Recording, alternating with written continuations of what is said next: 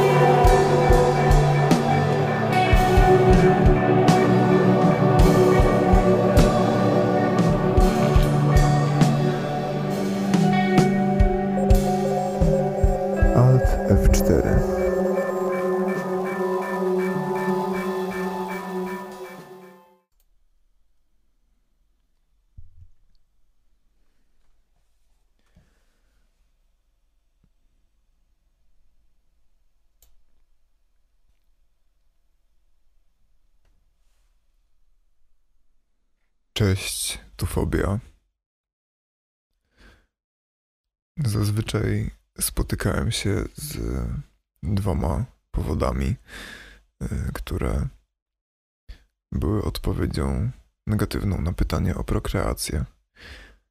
I pierwszym z nich był powód wewnętrzny, to znaczy odrzucenie prokreacji ze względu na niebycie gotowym zazwyczaj.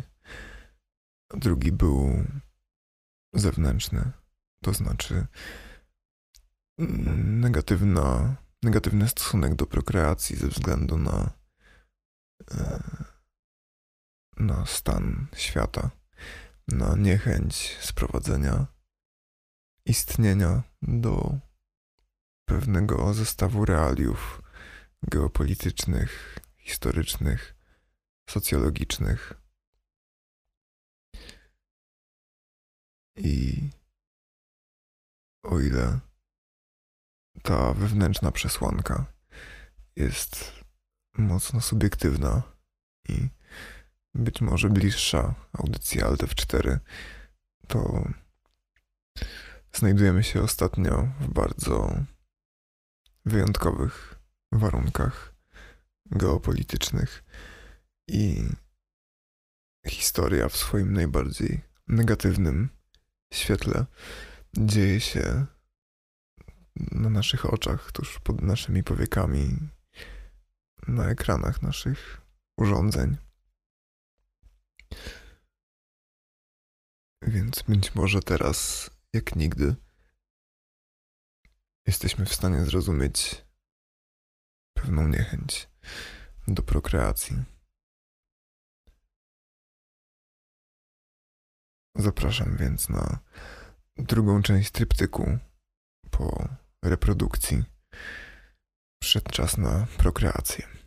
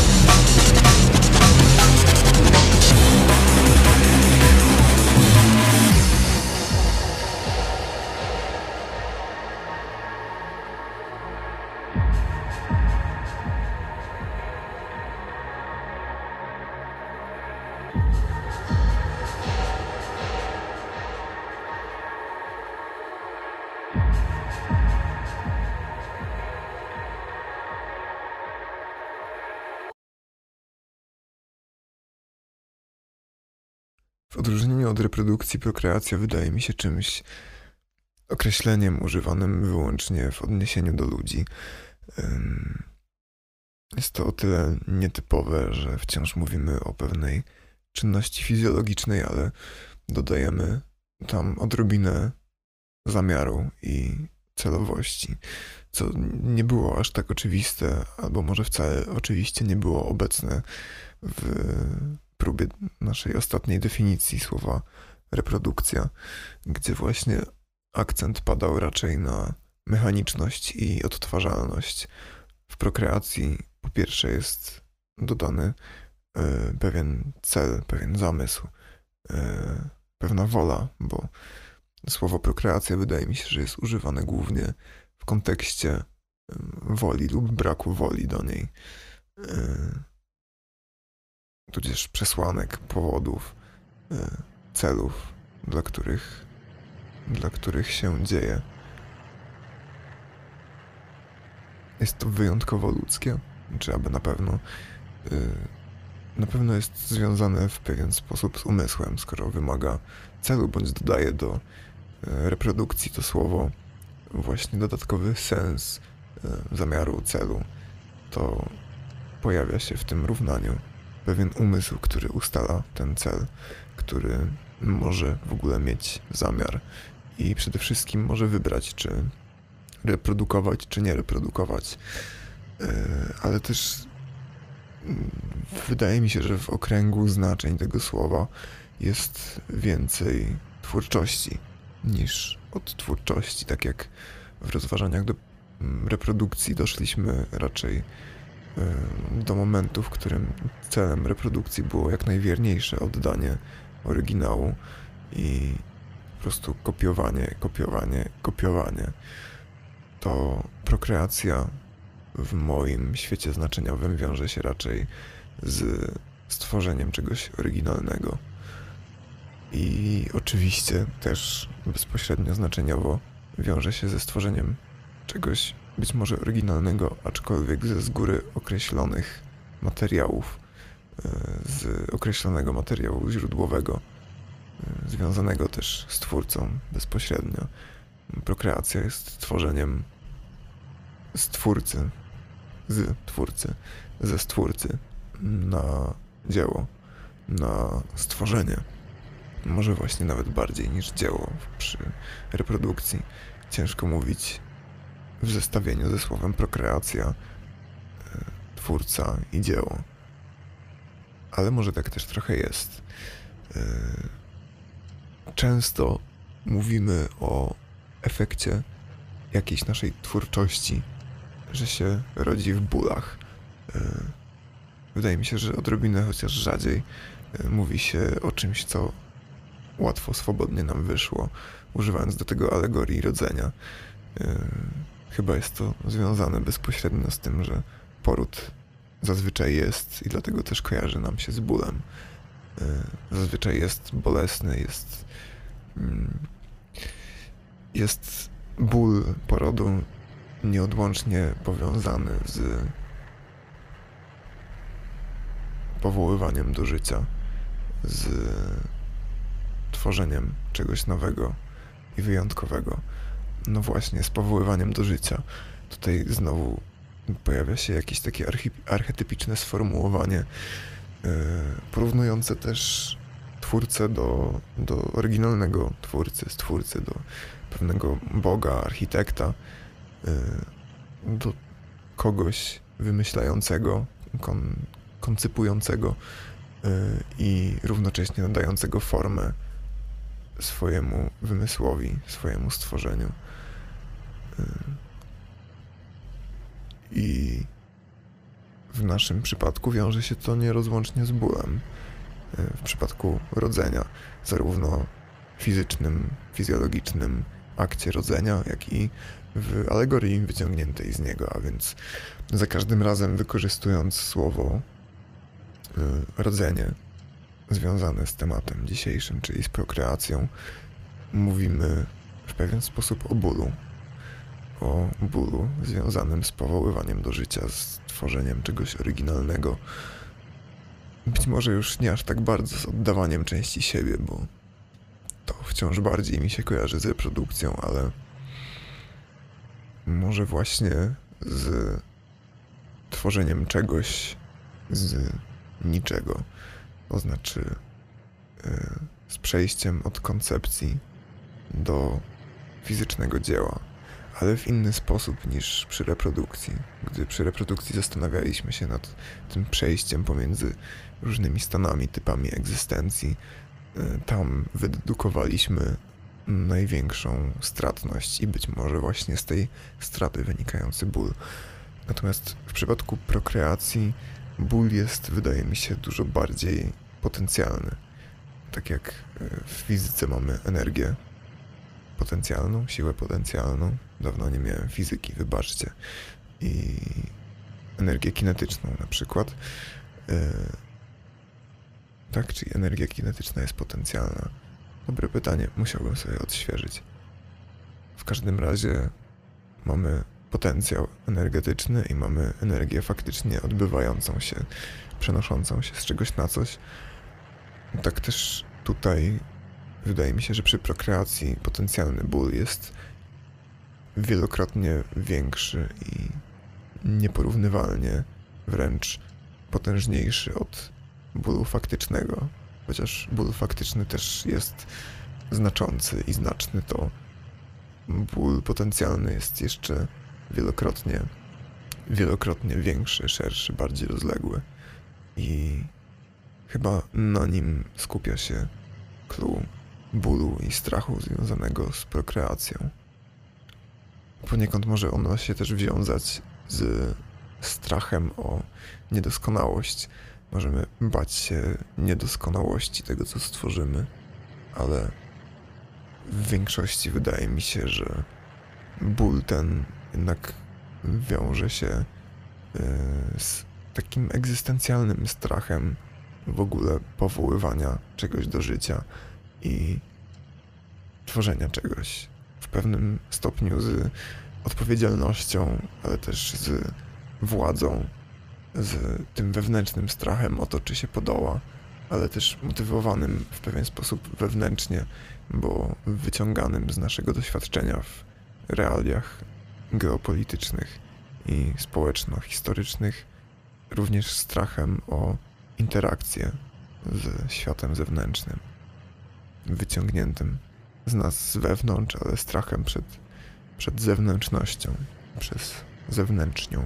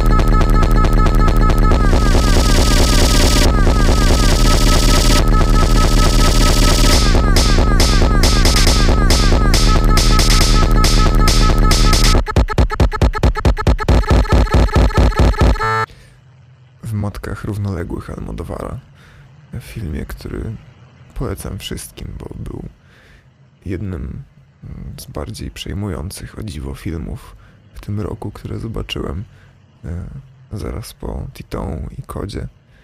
Mm, jest tam mm, w zasadzie na samym początku e, taki fragment dialogu, fragment tekstu, gdzie mm, jedno z nowonarodzonych dzieci jest na obserwacji ze względu na problemy z przystosowaniem do życia pozamaticznego i e, główna aktorka, główna rola, główna bohaterka, pierwszoplanowa bohaterka komentuje to w ten sposób, że e, no to lepiej niech się przyzwyczaja, bo większość życia e, teraz będzie już poza macicą. E, to dziecko, oczywiście. No i właśnie, jest to odpowiedzialność, jest to ból, to wyjście z, z twórcy, z osoby, która odpowiada za tworzenie, opuszczenie ciała matki i stania się osobnym ciałem.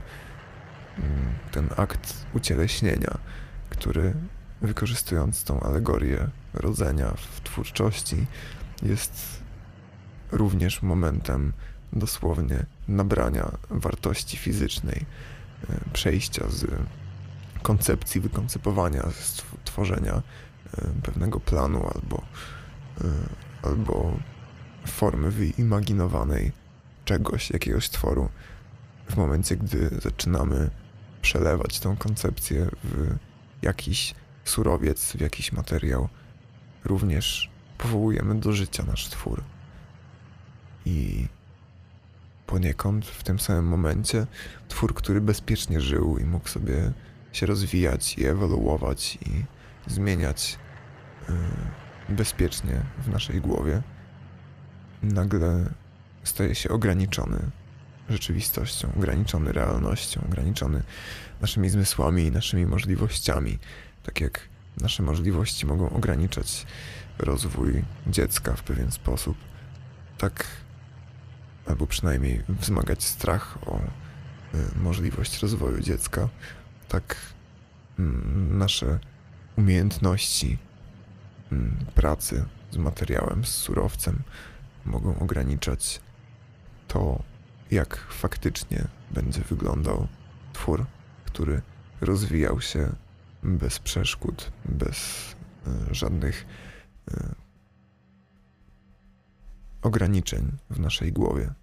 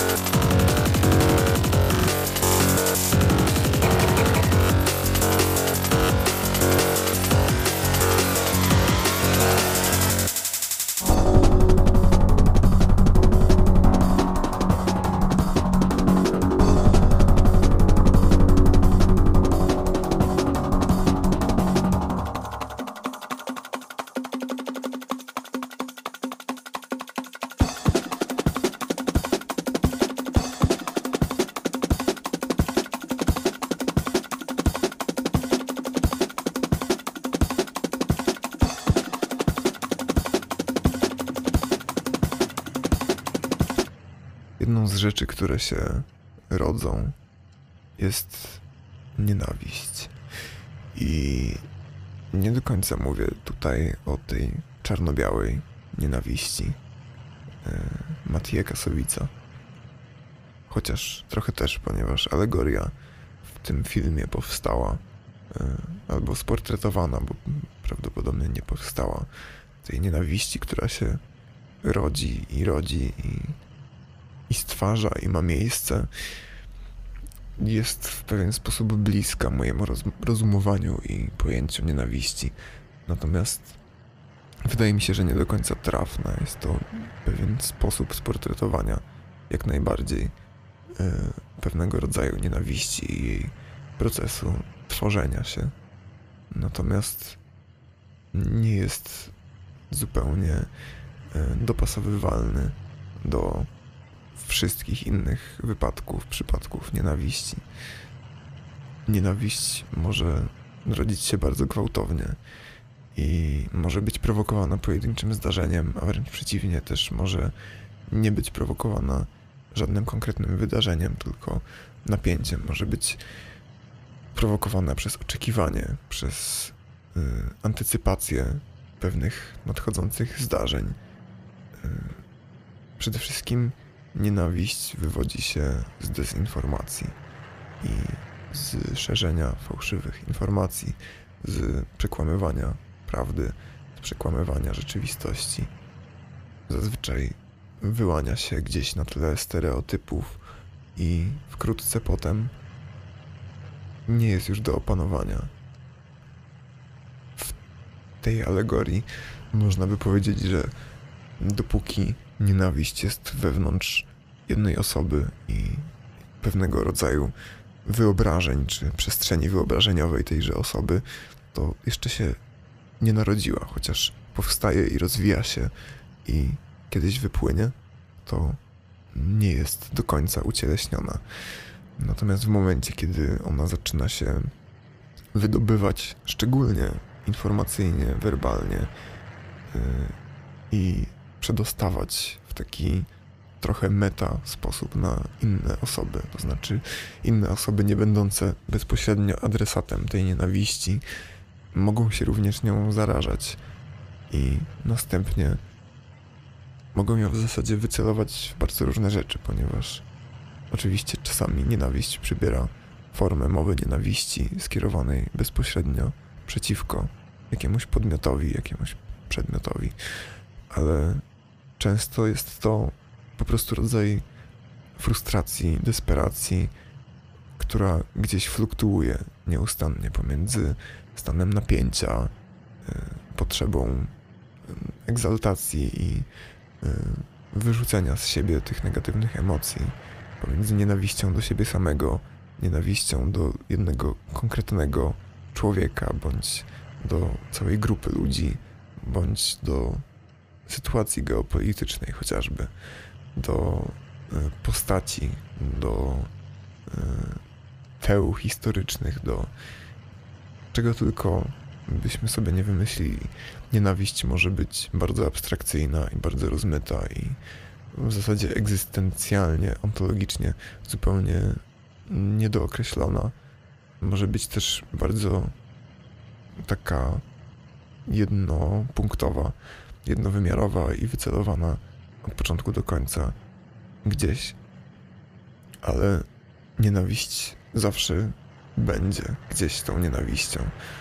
Jak już się raz pojawi, raz się zasieje, to będzie się rozwijać i dopóki nie zostanie ucieleśniona i nie mm, jej cielesność tej nienawiści jakby y,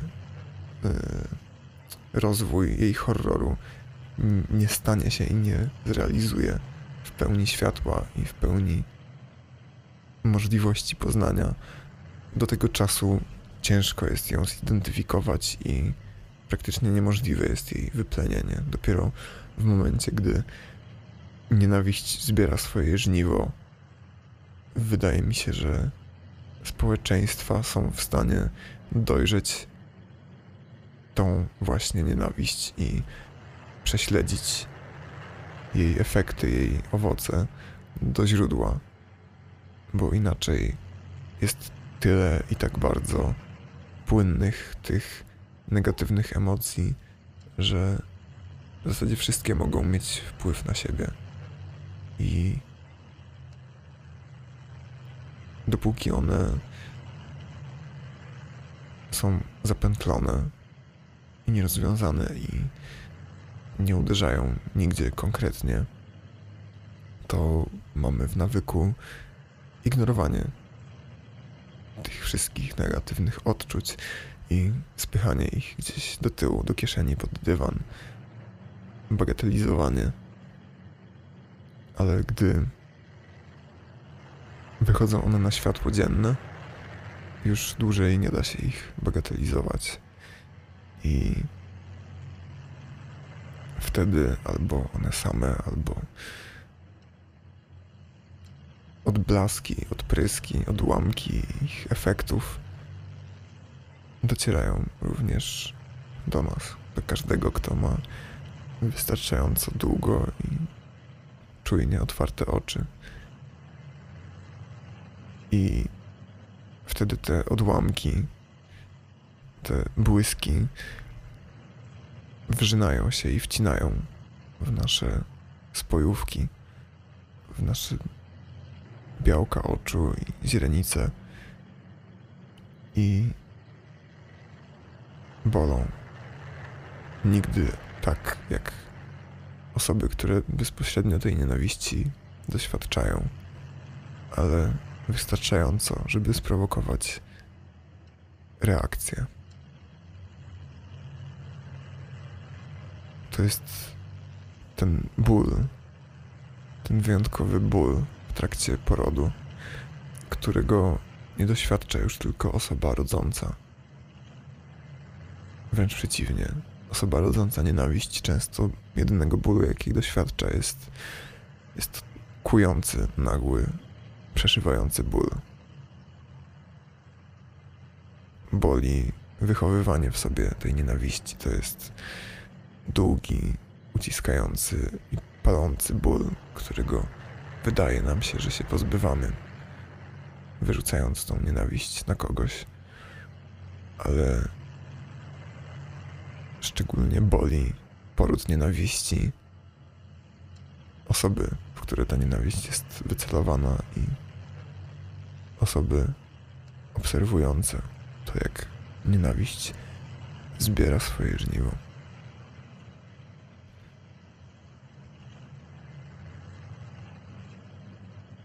Chciałbym bardziej uważać na to, co wychowuję w sobie, co i w jaką stronę się rozwija w mojej głowie, nad czym myślę, co, co rodzi się i nad czym staram się zapanować, nad czym zupełnie nie panuję.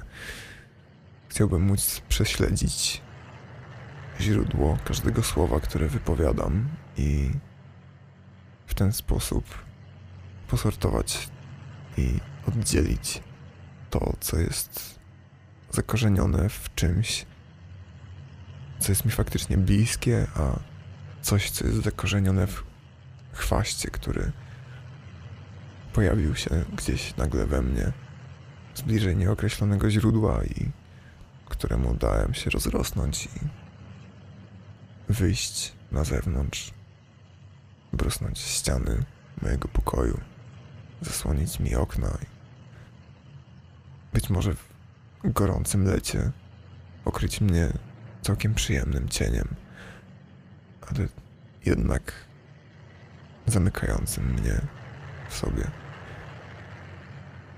Chciałbym móc prześledzić źródło każdego słowa, które wypowiadam, każdego zdania i każdego pomysłu, który się we mnie rozwijał przez godziny, dni, miesiące, lata.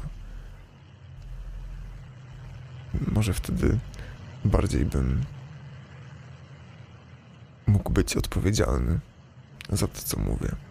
Może mniej mógłbym się bać wypowiadać rzeczy, gdy wiedziałbym, że to, co mówię, jest nie tylko tym, co myślę, ale też tym, co wyrosło ze mnie, a nie z piasku rozsypanego kiedyś po mojej powierzchni, w które zaplątały się nasiona. Być może dokładnie wiadomo skąd i od kogo.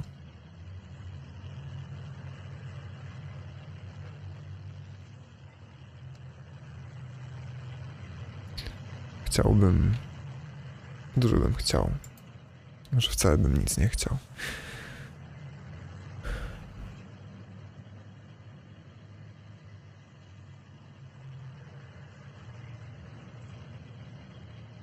Chciałbym, żeby każdy był w stanie prześledzić swoje idee, to o czym myśli, swoje przekonania na temat innych i samemu się przekonać o tym, gdzie zaczęły się te wszystkie fenomeny, w jaki sposób się rozwijały, czym były podlewane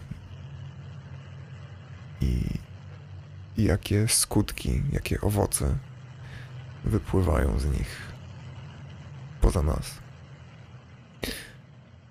A przede wszystkim skupić się na chwilę nad tym, czy ból, który odczuwamy, rodząc pewne idee, jest bólem naszym, czy bólem tych, którzy są zmuszeni znajdować się po drugiej stronie tychże idei.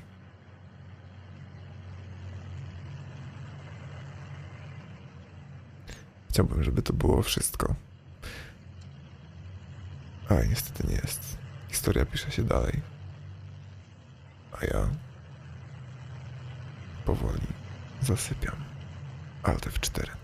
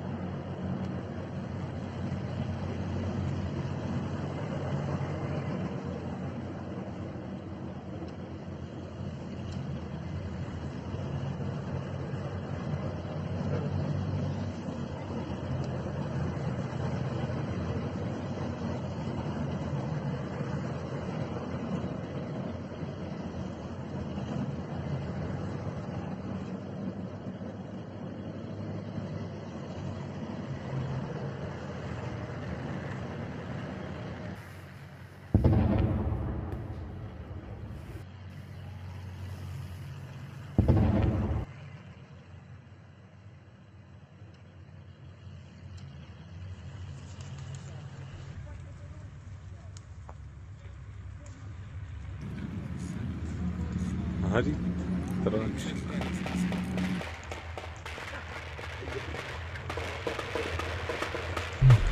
возле наших домов. Забирайте к себе, думаю, наши проблемы. Такие люди летят, как много, много представляют. Пацаны наши стоят. Люди летят, типа, давайте на территории долго рынка. Ну,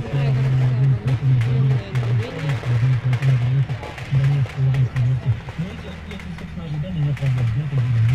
Никто не остановился.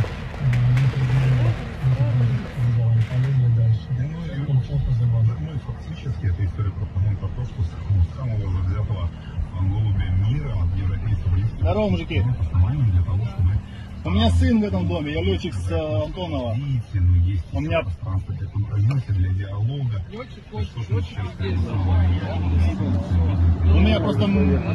Да. Что такое Россия поехала. Возле, возле домов кто-то есть наш? Я понял, давай. Нормально, как по площади.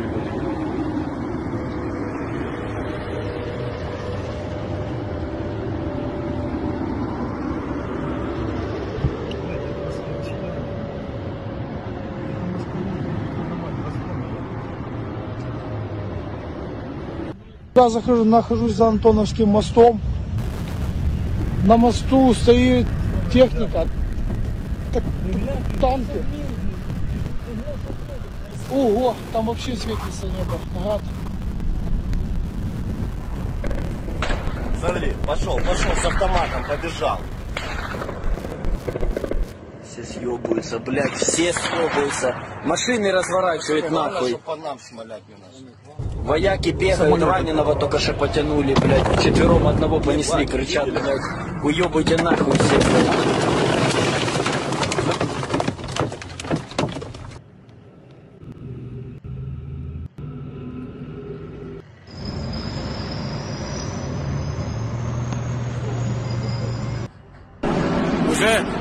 20 пролетіло. Е, Не видно українського герба.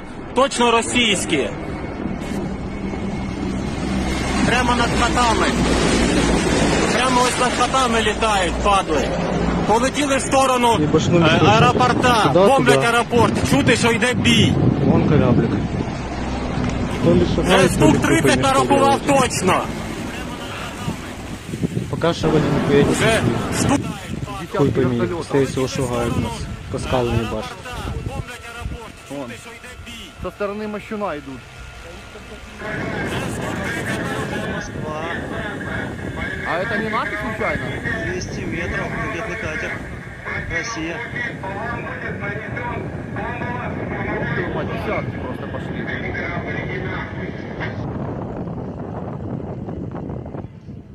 Атаку. И живем, блядь, на остров Мина.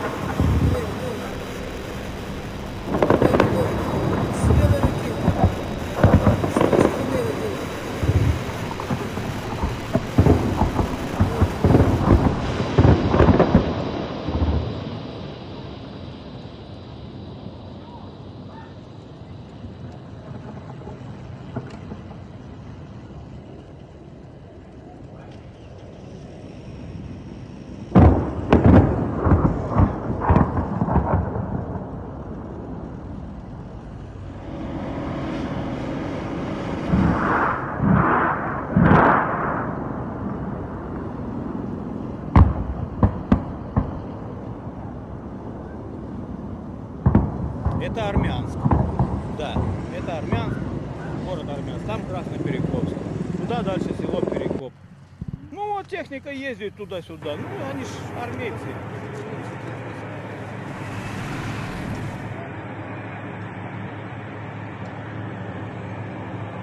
вы это делаете, Олег? Приехал. С Москвы. Кто вторглись в нашу страну? Мы не хотели Зачем, войны. зачем вам говорили, вы сюда едете? Людей мирных забрать? людей? Мы не хотим. Сейчас будет поворачивать, видимо, направо. Суммы. А зачем? Центр города. Не зря же им сделали дорожку. Олег. Олег, зачем вы это делаете, Олег? Приехал, блядь. С Москвы.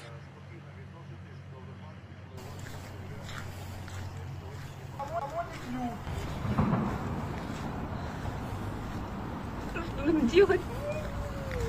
Блядь, переноска хороша, ну ви забрати. Вон дивись, Олег, Олег Василь. Переноска, блядь. Босяка даже побіг, он, блядь. Один, блядь, вообще без обуви.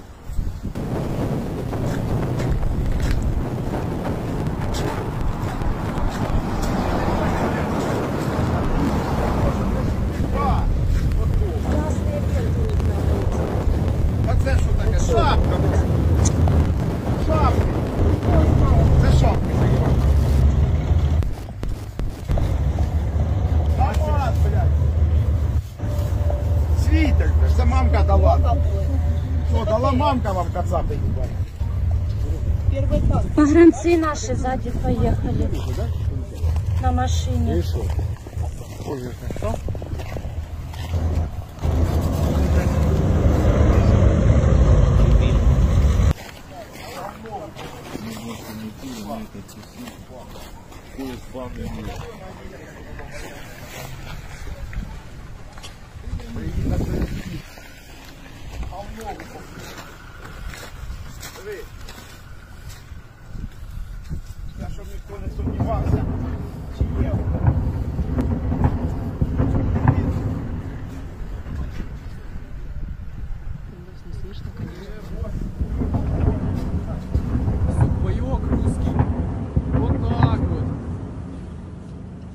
она, техника стоит. А вот тут он что-то горит, хавчик какой-то, свет пойдет. Короче, ушли. Ушли они.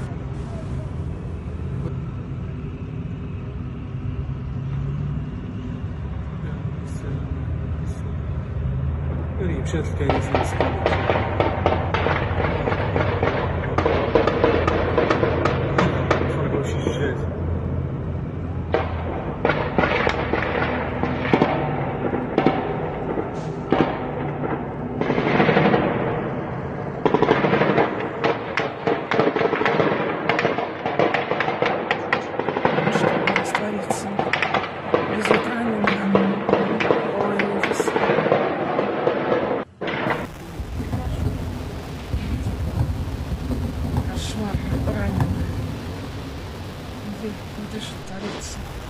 Ай-яй-яй-яй-яй-яй. Чё, Огнестрелы.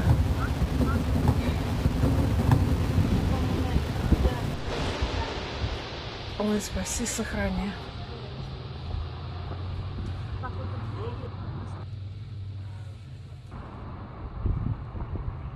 Ой-ой-ой.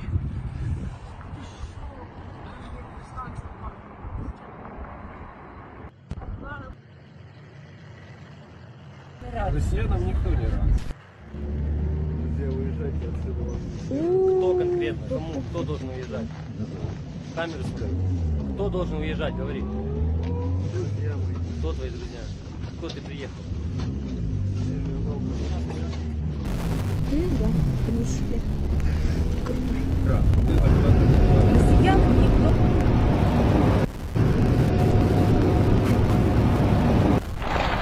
Танки вон. Вон танк.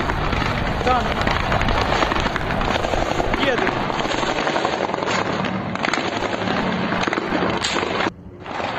Танки вон.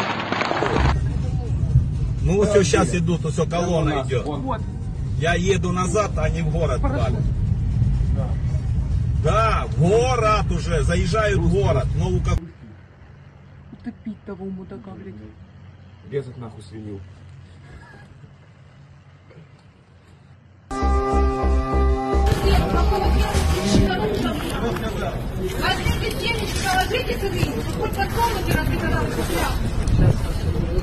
Мне тоже позвонили, говорят, заправку бабахнули. Я говорю, да нету там, говорю, колесница стояла, то, говорю, наверное, это ее.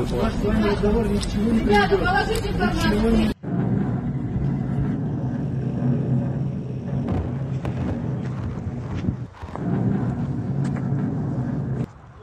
Не думала, что of the fighting. Matthew, tell us what you're witnessing there.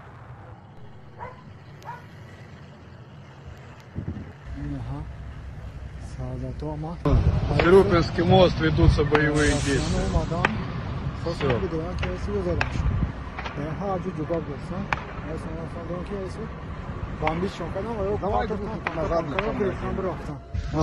Сирупинский мост ведутся боевые. Российские войска стоят на мосту. Вот мост. Вот, вот с обозначениями Россия на плече. Все стоят, не разговаривают ни с кем. Это все Россия. Российские войска стоят на мосту. Вот мост. Им дали хороший отпор, да? А, а те дали где это все.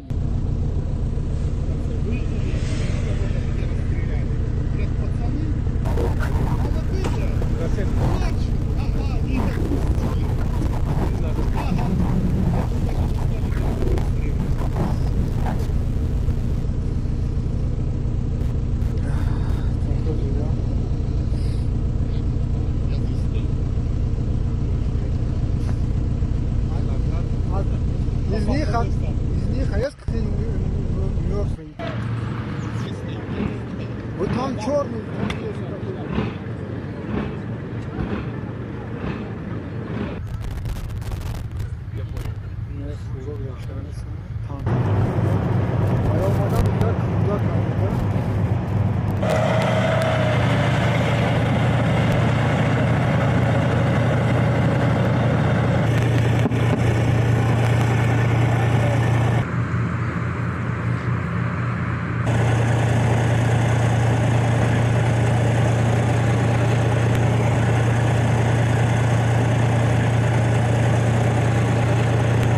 Как настрой? Все отлично. Мы заберем эту область, она наша, земля это наша. Спелый. Спелый ракет. Оперативная съемка с населенного пункта Долгое. Подразделения народной милиции уже а, освободили населенный пункт Лопаскина и продолжают расширять плацдарм для освобождения дальнейших территорий Вот, а, по ту сторону. Спелый ракет.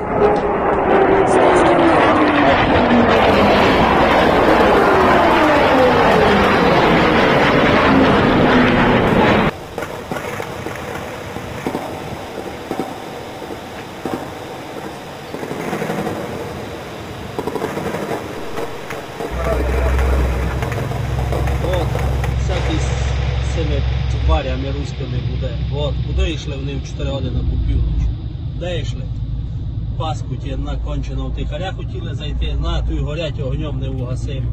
Повтікали. Куди повтікали? Не били бися вже, все, перестала їх зага печити. Псота. тераси, єбані, сука.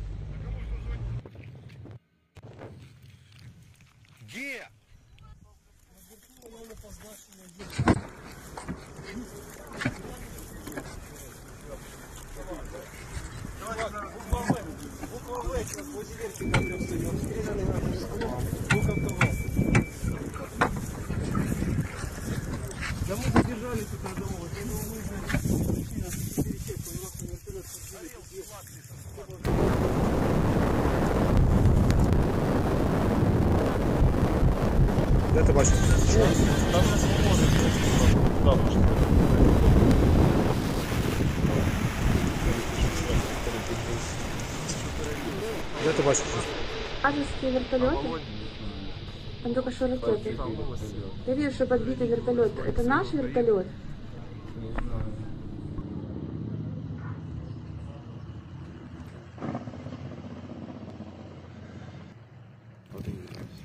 Где?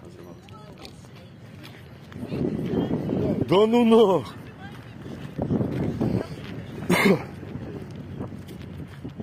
Ой-ой-ой!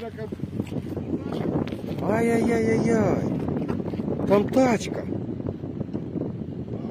Так там люди. Красавцы. Хотят ли русские войны? Сил же еще. Где?